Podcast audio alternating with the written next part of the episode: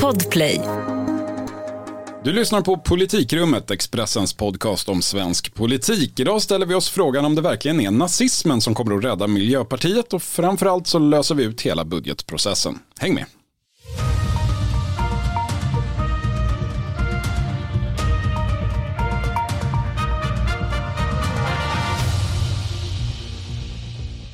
Ja, det här är det tredje sammanträdet i politikrummet och precis som tidigare så heter jag Viktor Bart Kron och ni heter Helena Gissén och Thomas Nordenskjöld. Välkomna. Tack så mycket. Tackar, tackar. Eh, hörni, I söndags var det partiledardebatt i Sveriges Television och det spårade ur tämligen omgående. Är jag nazist? Det vet vi ju. Men, eh, Kallar du mig nazist? Begreppet blåbrun är ju etablerat. Det finns ju med i eh, språklistan. Per Bolund över- mig och för Det nazist? finns ju också en förklaring vad det innebär. Man kan säga att stämningen aldrig riktigt hämtade sig efter det där, Helena. Nej, det där är ju faktiskt ett klassiskt tv-ögonblick och det var ju så uppenbart att Per Bolund, han är ju en fridens man egentligen. Han var ju väldigt obekväm när han smög in det här ordet blåbruna. Han känns inte som den stora kulturkrigaren och Inte eh, direkt. demagogen. Och sen var det ju också helt uppenbart att Jimmy Åkesson verkligen lystrade efter det här ordet och var väldigt beredd att gå till attack och det gjorde han ju onekligen. Det, det har ju varit ganska tydligt att Miljöpartiet, eh, just nu Miljöpartiet, verkligen använt den här termen väldigt medvetet på sistone. Du intervjuade Märta Stenevi, det andra språkröret som kanske är lite mer bekväm med att slänga sig med nedsättande termer om sina motståndare. Men det blev lite stelt där också. De, de verkar lite ambivalenta ändå. Ja men verkligen alltså, det var väldigt förvånande därför att då hade ju Ebba Busch eh, skrivit en debattartikel där hon krävde att eh, de skulle sluta kalla Eh, det högra regeringsalternativet för blåbrunt och då var det ju helt naturligt när jag intervjuade Märta Stenevi att verkligen ställa frågan, kommer du fortsätta säga detta? Och det gjorde jag gång på gång på gång men hon var så obekväm och till slut så blev det någon slags polemik där hon tyckte att men, varför i all sin värld frågar du om det här? så att, men efter kanske åtta gånger så sa hon till slut, ja, jag kommer att fortsätta använda detta begrepp. Man får känslan ändå att det finns andra i partiet, eh, tjänstemän, pressekreterare som gärna vill att de säger det. Det är väl den starka känslan man får att det är någon som sitter och tycker att nu ska vi ha den här konflikten medan språkrören, kanske då inte ens Märta Stenevi alltså är helt hundra toppen bekväm med Nej, det. jag tänker också i och för sig att det kan vara de i partiet som gör en annan bedömning. Eh, Alltså att de egentligen tycker att nej men lägg av med det här och att eh, hon kanske egentligen är sugen på att använda det men förstår att det kanske kan ha ett pris. Jag vet inte. man kan vara splittrad på många längder och bredder om man, även om man är ett litet parti. Men jag, jag tycker ändå, om man tittar man på partiets kommunikation eh, centralt i sociala medier och så här så är det väldigt tydligt att man nu går all in för att få den här konfrontationen, för att få den här konflikten gentemot då Sverigedemokraterna med omnejd. Och, eh, jag är lite fascinerad över det ändå, därför att den här ambivalensen har ju en förklaring om man tittar historiskt. Jag tänker på valrörelserna 2014 och 2018 där man båda gångerna har försökt skapa den här konfliktytan gentemot eh, Sverigedemokraterna och allt de står för och det har inte fallit särskilt väl ut för Miljöpartiet. Jag tänker på 2014 när man gick ut och gjorde ett jättenummer av den här bronsmatchen. Att man skulle bli, det var MP och SD skulle slåss om att bli tredje största parti. Det var, Just det, mest- det var då Gustaf Fridolin gjorde, kom med det utspelet, inte sant? Ja, det var, man tryckte väldigt hårt på det från alla håll och kanter där i, slu, i sluttampen. Ända fram till valnatten när det blev väldigt pinsamt för Sverigedemokraterna blev, eh, blev nästan dubbelt så stora som Miljöpartiet. Det, det såg man inte komma. Sen 2018 så, så var det ju, blev ju liksom frågan om Sverigedemokraternas eventuella inflytande också väldigt stor i slutet av valrörelsen. Absolut. Och eh, eh, Miljöpartiet var ju högst bidragen till det. Men då drog man ju själva slutsatsen efteråt att där höll på att kosta riksdagsplatsen för folk röstade, nämligen folk som verkligen tog till sig den här diskussionen, de röstade inte på Miljöpartiet, de röstade på Socialdemokraterna istället. Alltså tveksamma rödgröna väljare valde bort Miljöpartiet på grund av att den här frågan var så het. Men var, visst är det väl så här att de pratar med sina kärnväljare här, alltså att de har en brinnande övertygelse i den här frågan och de vill verkligen stå upp för det på något sätt och tycker väl fortfarande att de är Sverigedemokraternas huvudmotståndare. De tycker kanske det, men jag, jag är tveksam till, alltså, och det är mycket möjligt sant så att det, att det är en, en liten grupp kärnväljare, men jag tror, att, jag tror att det snarare är så att de, alltså kärnväljarna i frågan vara mot SD finns i större utsträckning någon annanstans. Alltså, de som är, vill upp till kamp mot Sverigedemokraterna och liksom stå på barrikaden, de har Vänsterpartiet. Vänsterpartiet är liksom deras roll, att liksom, eh, stenhårt motstånd och så vidare, det är Vänsterpartiet. De som är oroliga, eller söker stabilitet, tycker att det här är lite jobbigt när det skakar och det, demokratin och så här, de söker sig till Socialdemokraterna och de som är eh, mer liberalt orienterade som, som inte riktigt vill vara socialdemokrater men är ännu mer skeptiska till SD, de har Annie Lööf. Men samtidigt så finns det någon slags grundkonflikt här mellan Sverigedemokraterna och Miljöpartiet. Miljöpartiet måste man ju ändå säga är det absolut mest invandringsliberala partiet och det är ju så att säga den stora sakfrågan. Sverigedemokraterna är ett enfrågeparti och eh, Miljöpartiet anser väl då att de är den absoluta motpolen och i förlängningen så blir det då också den här blåbrun diskussionen i det sammanhanget. Och en intressant fråga är ju också det här att Vänsterpartiets Nooshi Dadgostar helt har valt bort det här begreppet blåbruna som Jonas Sjöstedt hela tiden använder. Ja precis, det är ju väldigt intressant därför att det var ju fram till inte fullt så länge sedan så var det ju framförallt Jonas Sjöstedt. Han tjatade om det här i varenda debatt men det var som att Jonas Sjöstedt kom undan med saker och ting för att han, jag vet inte, det var som att andra upplevde honom mysig fast han stod och förolämpade dem. Men då, det... Det, det... blev ju aldrig den här motelden som har kommit nu, varken Nej. från Kristdemokraterna eller Sverigedemokraterna, Nej, trots att Sjöstedt stod och pratade om det i varenda debatt. Ja. ja. vad är det som har hänt? Men Nooshi Dadgostar, hon, jag frågade henne efter debatten, då sa hon att nej men eh jag är inte så intresserad av olika epitet och begrepp och sådär. Så att hon har ju helt uppenbart gjort en annan bedömning än Miljöpartiet gör. Jag skulle bara vilja säga, ja det finns den här invandringspolitiska konflikten helt uppenbart mellan Miljöpartiet och Sverigedemokraterna. Man skulle kunna säga att den finns även med Vänsterpartiet och, och, och Sverigedemokraterna. Men eh, jag tror att den, eh, lite eh, anledning till varför, varför, Miljöpartiet trots att det inte vinner på att den här debatten förs är att, ja men vad ligger i förlängningen, vad, vad, blir den här debatten om Sverigedemokraternas inflytande i debatten? Jo det blir en debatt om demokrati, tro, demokratisk trovärdighet, eh, stabilitet, regerings, alltså hur, hur, hur ska liksom Sverige styras? Och det parti som kommer näst sämst ut ur en sån debatt tror jag. Eh, om man säger att Sverigedemokraterna kan, vinner inte på den här debatten. Det är inte frågan om att folk står och väljer mellan MP och SD och sen väljer SD, det är inte det jag menar. Men däremot så är det ju inte så att Miljöpartiet vinner på att de frågorna hamnar i centrum. Nej. Nej men precis, och det man såg förra valet 2018 var ju att eh, när då den här debatten var central och Socialdemokraterna spelade upp den här konflikten mycket, det var ju att i en medel, medelklassväljare i, i Stockholms innerstad och andra, de andra större städerna så var det ju Socialdemokraterna som gick bra. Socialdemokraterna gick jättebra på Södermalm i Stockholm till exempel och tog en stor del av de väljarna, men de gick inte till Miljöpartiet. Nej, och det, och det tror jag har att göra med att Miljöpartiet har ju trots allt haft en minister som har avgått på grund av samröre med turkiska islamister och fascister. Miljöpartiet har en Europaparlamentariker som har uttalat att det vore bra att ställa in valen. Och så här. Miljöpartiet har fördelar i väljarnas ögon men, men liksom den här stabiliteten som motpol till ett, eh, någon slags odemokratiskt kaos det är inte deras starkaste kort. Så därför så, min tro är att när, när den här debatten, när man lyckas få till den här konfrontationen med Sverigedemokraterna på det här sättet så förlorar båda. Däremot vinner någon annan. Och som alltså inte är Miljöpartiet. Men men, vi får se.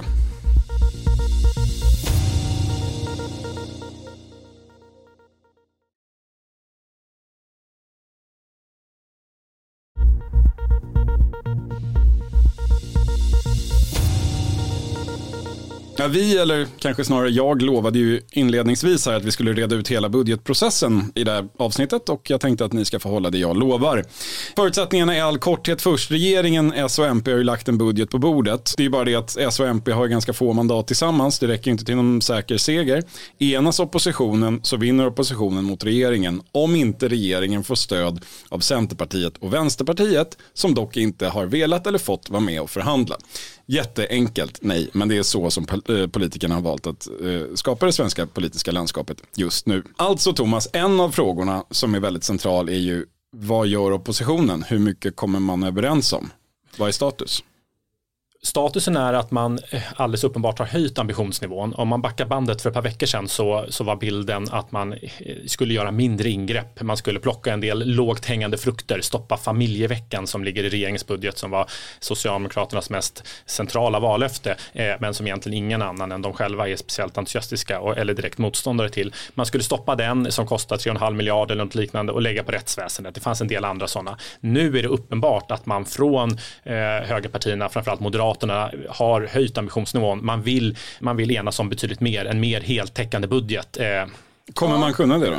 Ja men det kommer man säkert att kunna. Det finns ju problem här i och för sig men det är ju väldigt mycket som man är överens om och framförallt så är man ju extremt överens om att satsa på den stora frågan nämligen att eh, stoppa gängkriminaliteten och eh, satsa mer pengar på på eh, polis och rättsväsende förstås. Men Mm. eh, det finns ju också komplikationer, eller hur? Ja men alltså det, jag tror så att om, om det nu är så att man att satsa mer på rättsväsendet och så, det, är ändå, det, det kommer man kunna enas om. Men det, för att det ska bli den här större, mer heltäckande budgeten som, som Moderaterna vill se, då kommer man behöva lösa ut större frågor. För det räcker inte, de här sakerna som finns, de är familjevecka och en del andra saker, byggsubventioner och annat. Det, det, det, man kan spara ett par miljarder, man kan lägga på rättsväsende, kanske något litet jobbpaket, men det här stora, man vill ju lägga stora, jättestora skattesänkningar i storleksordningen 10-15 miljarder, inte sant? Och det, för man ska göra det, då måste man ta den här stora eh, konflikten, förhandlingen om bidragspolitiken där Moderaterna och SD står på helt olika eh, sidor. Och bistånds, eh, man behöver plocka pengar från biståndet också som Kristdemokraterna inte alls, och inte Liberalerna heller, är sugna på. Men både Moderaterna och Sverigedemokraterna å andra sidan och de två tillsammans har ganska många mandat så det kanske kan bli lite oväntade konstellationer där. Ja, men, nej, men det, det, det är ett lite högt spel från Moderaternas sida här. Man, man, när man säger att man vill enas brett eh, så är ju klart risken att man, att man misslyckas. Men man är uppenbart heller kanske inte så rädd för att nu blotta den här sprickan som finns mellan högerpartierna. Man vill att det ska bli tydligt för, för högerväljare. Om det nu är så att SD i slutändan vägrar gå med på de här stramare reglerna kring sjukförsäkring och sådär som Moderaterna vill se, ja, men då blir det, eh, då, blir det synligt och då Det eh, kanske gynnar Moderaterna på sätt och vis faktiskt att de visar framfötterna i de frågorna och eh, kör arbetslinjen stenhårt. Sen tror jag att så här, det, det, som är, det som framförallt driver Moderaterna här, förutom att man vill göra sakpolitiska vinster, eh, så är det helt avgörande att man vill tvinga Centerpartiet att bekänna färg. Eh, eh, för det är ju så att om man, gör, om man bara skulle enas om det här lilla paketet med att stoppa något e- enskilt förslag, nej men, då, kan, då är det uppenbart att Magdalena Andersson kommer inte avgå, Socialdemokraterna skulle kunna leva med det. Blir det den här, Utan att, alltså då behöver inte Centerpartiet och Vänsterpartiet ens ingripa utan då kan man låta det där gå igenom. Ja, och, så kan kan Centerpartiet, ja, och så kan Centerpartiet gå till val och säga titta vi var minsann i liberal eh, konstruktiv semi-opposition precis som vi sa. Och det väl vi inte, har inte räddat nej, men och det regering. inte Moderaterna, man vill inte liksom ge dem det att de ska kunna gå in i val, val, valåret med det utan de ska tvingas bekänna färg och då gå in och sannolikt då som Moderaterna tror gå in och rädda Socialdemokraternas budget. Skulle de inte göra det och budgeten faller, ja men då är det också en, en, en seger såklart. Och det, det, om vi ändå då måste utgå från att de får ihop något halvstort då i oppositionen, då går ju frågan över och då undrar vi naturligtvis hur resonerar man i de två partierna som absolut inte pratar med varandra men som ändå då förväntas rädda samma budget, Centerpartiet, Vänsterpartiet. Vad har vi för uppdateringar kring, kring läget där? Hur resonerar man? Ja, det, det handlar ju väldigt mycket om eh, fortfarande då de här frågorna om eh, stärkt äganderätt i skogen och uppluckrat strandskydd. Det är ju Centerpartiets absoluta krav. Det var deras krav för att släppa igenom Stefan Löfven i somras efter regeringskrisen. Och detta är deras absoluta krav för att överhuvudtaget överväga att rösta för. Saker som egentligen inte har särskilt mycket med budgeten att Det göra. har det ju inte, men detta är deras eh, viktigaste sakfrågor och då är ju inte Vänsterpartiet som är emot det utan det är Miljöpartiet och där är det eh, eh, ju mer man pratar med folk desto mer komplicerat blir det måste jag säga. Eh, Det verkar som att det är ganska stillastående och att det är ett chicken race som pågår nu mellan Centerpartiet och Miljöpartiet där det handlar om vem som, vem som helt enkelt orkar hålla ut längst. Så budgeten kan falla på en fråga som inte ens finns i den. Det, det, det är väldigt fascinerande. Vad tänker Vänsterpartiet då om vi ändå leker med tanken att även det där löser sig? Alltså, Vänsterpartiet är ju i grunden eh, rätt nöjda med budgeten. De tycker att man får igenom mycket. De här förstärkningarna man gör av sjukförsäkringen. Det, det, det, pratas i vänstern i termer av att så här mycket har man kanske aldrig lyckats få igenom tidigare i budgetförhandlingar med Socialdemokraterna. Trots att man då bara förhandlat genom debattartiklar formellt. Sen är väl sanningen ska fram att även Socialdemokraterna tycker i grunden att det är bra det här. Men det har blivit som eh, det ibland blir en, en seger för Vänsterpartiet. Så det kan nog Socialdemokraterna leva med om de är nöjda. Men så att i grunden är de nöjda. Men eh, skulle jag säga, det som är väldigt tydligt när man pratar med ledande vänsterpartister, något som är känsligt, det är ju eh, det här med att man känslan av att inte bli tagna på allvar. Eh, så Vi är specialister på det vi gör, precis som du. Därför försäkrar vi på Swedea bara småföretag, som ditt. För oss är små företag alltid större än stora och vår företagsförsäkring anpassar sig helt efter firmans förutsättningar. Gå in på swedea.se företag och jämför själv. Just nu pågår vår stora season sale med fantastiska priser på möbler och inredning. Passa på att fynda till hemmets alla rum, inne som ute, senast den 6 maj. Gör dig redo för sommar. Välkommen till Mio.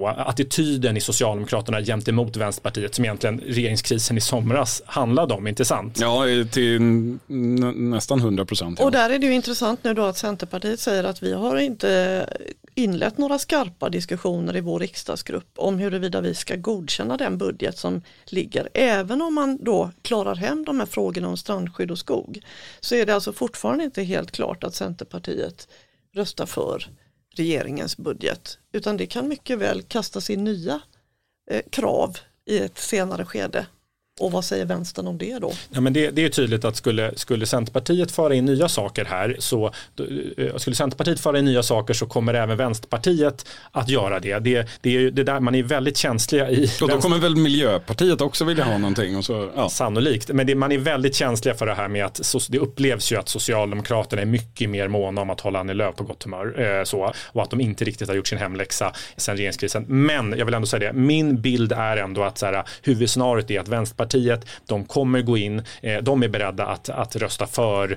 eh, eh, Socialdemokraternas budget. Jag tror att en faktor här man ska ha med sig är att Magdalena Andersson, som nu då mitt i allt detta ska väljas att ta över sannolikt, hon henne, man gillar ju henne relativt mycket i Vänsterpartiet. Man har bilden, bilden är att hon är mer välvilligt inställd till Vänsterpartiet. Eh, hon har en god relation till Vänsterpartiets ekonomisk-politiska talsperson. Man ska säga att de här partierna har ju faktiskt, sam, eller de, Vänsterpartiet har ju samarbetat med Magdalena Andersson ja. under fyra år ja, den här i förra mandatperioden. De här personfrågorna är ju faktiskt helt eh, centrala nu därför att Centerpartiet har inte alls samma relation till Magdalena Andersson även om de nu försöker att mjuka upp sin hållning och sin beskrivning beskrivning av henne. Det har ju varit som hund och katt mellan Löv och Andersson vad jag förstår. Ja, men, men då att, att Vänsterpartiet är första man gör nu när man då hoppas på en bättre relation med, med, med, med Socialdemokraterna, med Magdalena Andersson vid rodret, att det är första man gör, gå in och fälla hennes budget, det, det, det, ja, det talar men, helt enkelt de, mot. De skulle ju själva inte använda begreppet fälla budgeten utan säga att de följer praxis, det vill säga att man röstar på sin egen budget och, och, och när den är utslagen så står två andra budgetar mot varandra som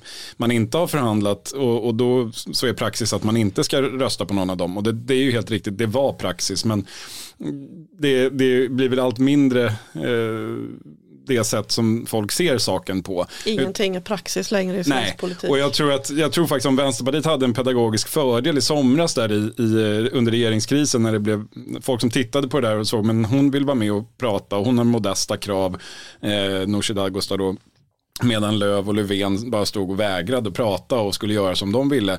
Där, där vann Vänsterpartiet sympatier, deras hållning var den, den logiska. Jag tror att det är en svårare sak att förklara varför man inte kan rösta om det ändå är Socialdemokraternas budget som står mot Moderaternas. Varför ska man avstå en sån votering? Det är pedagogiskt svårare även om det är i enlighet med en gammal riksdagspraxis. Så jag, jag tror också att det, att det talar i den riktningen.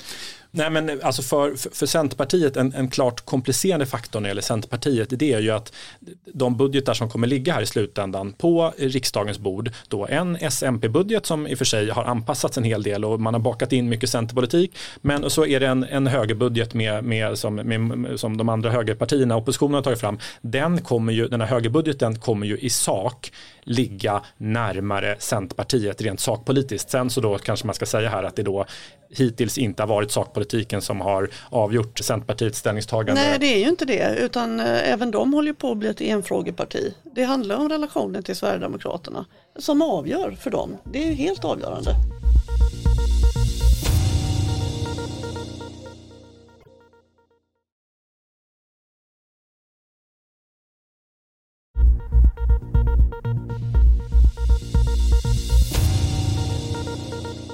Jag skulle ändå vilja ta upp en grej som jag tycker förbises något här. Och, och inte framförallt av oss men av alla andra också. Eh, det är ju så att det, här ser vi oerhört många stötestenar, oerhört många snubbeltrådar för Magdalena Anderssons projekt att få, ja, dels få tillträda men också få igenom budgeten. Men då säger man, ja men då kanske hon måste avgå. Okej, okay, till vad då? Undrar jag då. Alltså även om de skulle åka på en riktigt tung smäll här i budgeten. Vänsterpartiet och Centerpartiet hjälper inte till. Moderaterna får igenom en halvering av biståndet eller åt något. Magdalena Andersson blir jätteförbannad och eh, vill avgå. Men kan hon ens avgå? Alltså det är klart hon kan avgå, det, det ligger i sakens natur. Men vem ska hon avgå till? Det finns ju fortfarande ingen majoritet för Ulf Kristersson som statsminister. Det skulle till att Centerpartiet då släppte fram Ulf Kristersson och gav sig själva årtusendets förtroendekris inför valrörelsen eftersom de som Helena säger har haft motståndet mot en sån regering som sin profilfråga nu i snart fyra år. Sen kan det vara så att hon, hon kan ju avgå men tvingas komma tillbaka för det inte finns något annat alternativ. Sen slutändan blir så att hon ändå sitter där på en borgerlig budget. Exakt, för bu- ja. budgetbeslutet är ju då fattat. Alltså det, det, de enda två utkomster jag kan se av en sån regeringskris är ju att ett, Magdalena Andersson omväljs som statsminister men har då avgått i protest redan mot den budget som hon sen regerar på. Det blir en väldigt pinsam situation tänker jag. Eh, alternativt, man konstaterar att vi kan inte tillsätta någon annan regering. Vi kan inte ha nyval eller extraval som ordmärkarna säger med mindre än ett halvår till det ordinarie valet. Det skulle väljarna uppfatta som fullständiga pajaserier. Det kan ju användas även emot Centerpartiet detta och deras eh, möjlighet att eh, spela ut detta, inte sant? Kanske, men det är fortfarande statsministern då, om Magdalena Andersson lyckas väljas till statsminister, som, som äger frågan om huruvida man ska, det, vet, det har vi sett med Stefan Löfven som ju särskilt 2014 eh, Eh, satt kvar efter att en borgerlig budget hade klubbats. Eh, han åkte på en motsvarande förlust 2018, men då var det en övergångsregering, så det var en lite annan sak. Men, men det, det är fortfarande statsministern äger ju, så, så länge det inte finns en majoritet för att avsätta Magdalena Andersson, det är jag tveksam till om det kommer göra, så kan hon ju, så måste hon ju själv aktivt välja att avgå. Och jag jag har så svårt att se ett scenario där, de, där, där hon vinner på att göra det. Men ytterligare en faktor här som ju är viktig det är ju också att alltså tänka på vad är när det gäller Centerpartiet, vad är deras mer långsiktiga mål? Alltså vad är det de ser framför sig om man blickar framåt efter nästa val? Och eh, vi sa just det här med Sverigedemokraterna att det är helt centralt för dem. Dörren högerut för, Sver- för Centerpartiet framstår ju som i princip stängd. Är det så att man ändå eh, bidrar till att fälla den socialdemokratiska regeringen eller lägga krokben för den så att Magdalena Andersson hamnar i en närmast omöjlig politisk situation, ja men då har man ju kanske sumpat det enda regeringsalternativ man har. Alltså jag pratade senast häromdagen med en ledande centerpartist högt upp i ledningen som ändå säger att det är ett fullt tänkbart scenario att Centerpartiet kommer sätta sig i en S-regering efter, efter nästa val. Eh, Man säger ju inte samma sak om en moderatledd regering. Det går ju, liksom, rörelsen är ju ändå att Centerpartiet eh, liksom knyter sig närmare och närmare Socialdemokraterna. Eh, Och, och frågan är ju var hamnar Miljöpartiet i sammanhanget? Kommer de att finnas kvar i en sån regering? Det känns ju osäkert av flera olika skäl hur deras framtid är.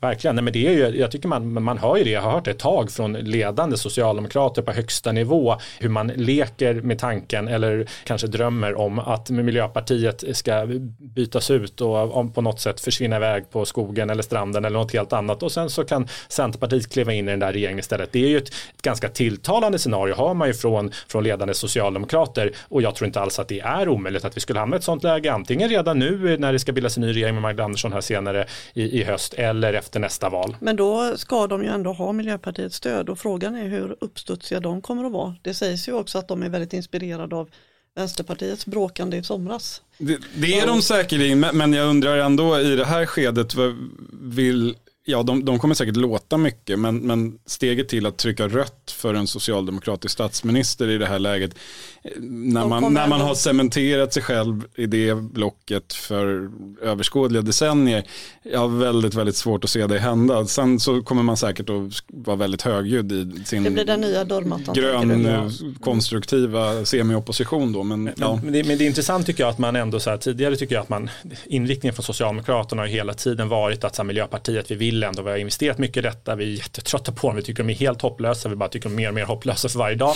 Men, eh, ja, men vi, vi vill ändå att de någonstans sitter kvar för vi har inte så mycket annars. Men nu har man ändå Centerpartiet där eh, och så och att det ändå eh, man hör från ledande företrädare i Socialdemokraterna eh, liksom ändå att de ventilerar tanken allt mer också och det verkar vara ett fullt tänkbart scenario. Eh, hör man från regeringshåll att, att Miljöpartiet kanske kommer lämna regeringen Ja, och Miljöpartiet säger till mig att, eller miljöpartister, tunga miljöpartister säger eh, nu att eh, de kan inte vika ner sig i de här frågorna som gäller strandskyddet och skogen därför att de tappar eh, helt enkelt sina kärnväljare på skogsfrågan och sina potentiella nya väljare på, på strandskyddet och de upplever att de har både opinionen med sig och EU med sig. Och en stillsam reflektion i sammanhanget, det är, här sitter vi och spekulerar, men tänk om det blir så här om några veckor så berättar de att de är överens om skogsägandet och strandskyddet. Och sen röstas budgeten igenom och Magdalena Andersson tillträder i lugn och ro som ny statsminister. Du menar, du menar att de skulle bete sig normalt? Ja, Utan dramatik. utan Ja. dramatik. Vad Är det, är det din tro? Eh, så, så vill jag höra Thomas här, vad, vad, vad landar det här? Nej, men, eh, jag får väl hålla fast vid den här mer dramatiska eh, tesen. Ja, det är Eh, roligare faktiskt. eh, att eh, Centerpartiet eh, ersätter eh, Miljöpartiet i en socialdemokratisk regering förr eller senare. Vi får väl se, jag vågar inte satsa pengar på det, men det, jag tror ändå att det, det, är ett, eh, det är ett scenario som är betydligt mer tänkbart idag än det var tidigare. Ja. Jag säger det blir ett herrans liv och sen regerar Socialdemokraterna vidare, som vanligt. Vi närmar oss eh, slutet av veckans avsnitt och eh, vi ska naturligtvis avrunda med några övriga frågor. I den första så tittar vi tillbaka på förra veckan där vi ägnade lite tid åt SSUs nya eh, öppning mot Sverigedemokraterna. Helena, de, de, de tyckte att eh, Socialdemokraterna skulle minsann driva igenom höjda pensioner och det ena med det tredje med lite andra samarbetspartners än de vanliga, bland annat Sverigedemokraterna och det blev ett herrans liv. Ja, av naturliga skäl för att det där var ju en väldigt märklig så kallad testballong. Om det nu var en testballong eller om de helt enkelt bara tycker så att strunta i Miljöpartiet. Visserligen sitter de i regeringen men vi går ändå fram med våra egna förslag och sen så söker vi stöd till höger och vänster och till exempel från Sverigedemokraterna. Men ja, det tog hus i helsike och eh, Vi pratade om det senast, Ardalan Shekarabi hade ringt och varit arg och eh, Stefan Löfvens eh, stab hade varit arg och alla var arga och Och motståndarna var glada. följdriktigt så kom det ju då också en pudling, en Ja. ny debattartikel i Expressen, väldigt kortfattad, men då där de räknade upp alla Socialdemokraternas eller de rödgrönas talepunkter gällande kritiken mot Sverigedemokraterna. Det var prideflaggorna och det var det här med eh, att man detaljstyr konsten och eh, att, man, att Åkesson stabschef tycker att journalister är nationens fiender som de uttryckte det i debattartikeln och så vidare. Så att, ja, men en väldigt övertydlig pudling. Är det inte lite så att man vill, man vill fortsätta kalla dem för fascister och demokratiskt opolitliga men samtidigt kunna ta stöd av dem, att det är där man landar? Lite så kanske. Vi har pratat ganska mycket om Miljöpartiet redan i den här podden. Nu ska vi prata lite, lite till. För det är nämligen så att de i helgen har kongress, Thomas. Det är sista innan valet. Även för. Ja, sista valet eller på att säga. Nej men det är ju Oj, oj, krisen, nej men det är, jag tycker känslan ändå är att eh, partiet som har varit i någon form av kris länge, oklart när den började, kanske när man gick in i regeringen, jag vet inte riktigt, men, men den har verkligen förstärkts och man är ju, det har kommit nya opinionsmätningar, partiet är, har- där partiet hamnar under spärren eh, och det kommer också allt mer kritik mot, eh, mot språkrören. Eh, eh, jag tycker man ser tecken, apropå diskussionen kring skog och strand, att språk, då säger ju socialdemokrater och centerpartister att man ser att ett problem är att språkrören är ifrågasatta internt och inte har ett tydligt förhandlingsmandat. Vem styr egentligen? Jag, nej, precis. Jag såg, det verkar vara samma gamla konflikt i botten. Att, eh, så här, ska vi prata bara om miljö eller ska vi prata om allt annat än miljö? Exakt, och en eh, tungviktare som nu kandiderar till riksdagen är ju stockholmaren Daniel Heldén som ju uttryckte i en intervju idag att han tycker det är fel det här spåret som Märta Stenevi står för. Att Dagens bredd- Industri var det ja. Ja, att bredda partiet och satsa på social rättvisa. De lägger fram ett jätteprogram ju med höjda skatter och höjda bidrag. Social rättvisa är alltså deras terminologi för en, vad vi skulle kunna kalla en vänstersväng som de ska klubba nu på Och kongressen. det går han och obstruerar emot bara dagarna före eh, kongressen. Det tycker jag var väldigt intressant måste jag säga. Ja, men det, det, för han är ju ändå eh, väldigt tung får man säga i partiet och eh, anses vara framgångsrik till skillnad från de sittande språkrören. Man får väl se var det, var det landar, men det är he- helt klart en, en, en, en osäkerhetsfaktor i hela det här redan osäkra läget att Miljöpartiet har sådana problem. Ja, kongress för Miljöpartiet nu i helgen alltså. Politikrummet sammanträder igen nästa tisdag. Vi ses ju varje tisdag, det tycker jag är väldigt trevligt. Tack för idag Thomas Nordenskjöld, Tackar. Helena Gissén Tack så mycket. och tack för att ni har lyssnat. Vi hörs igen om en vecka alltså. Hej då.